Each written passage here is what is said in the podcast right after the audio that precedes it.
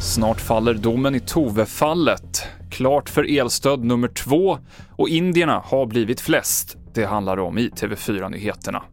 Vi börjar med att berätta att minst 29 personer har dött i en sjukhusbrand i Kinas huvudstad Peking, de flesta av dem patienter. Branden ska ha orsakats av svetsloppor från ett byggarbete inne på sjukhuset. Idag så faller domen i det uppmärksammade Tove-fallet. Två kvinnor, 18 och 20 år gamla, står åtalade misstänkta för mord och grovt gravfridsbrott.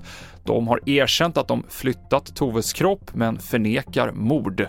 Tove försvann efter en utekväll i Vetlanda och hittades död i ett skogsområde i början av november. Vår reporter är på plats i rätten i Eksjö. Mycket fokus kommer att handla om 18-åringen som eh, sedan tidigare hävdat sin oskuld hela tiden, att hon sov igenom då Tove dödades vill att Toves mm, då misstänkta mördare ska dömas till livstidsfängelse.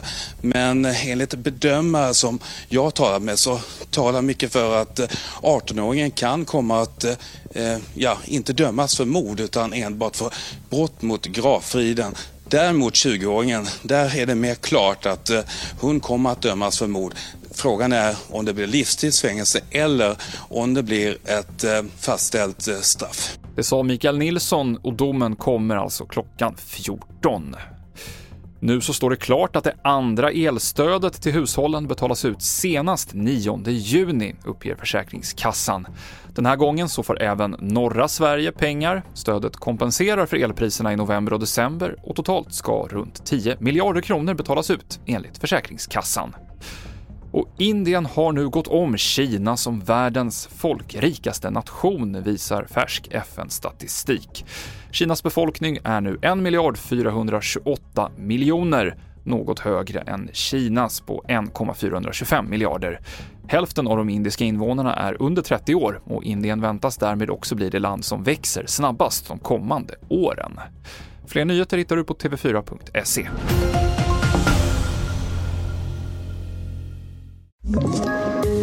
poddtips från Podplay. I fallen jag aldrig glömmer djupdyker Hasse Aro i arbetet bakom några av Sveriges mest uppseendeväckande brottsutredningar. Går vi in med hemlig telefonavlyssning och, och då upplever vi att vi får en total förändring av hans beteende. Vad är det som händer nu? Vem är det som läcker? Och så säger han att jag är kriminell, jag har varit kriminell i hela mitt liv men att mörda ett barn, där går min gräns. Nya säsongen av Fallen jag aldrig glömmer på Podplay.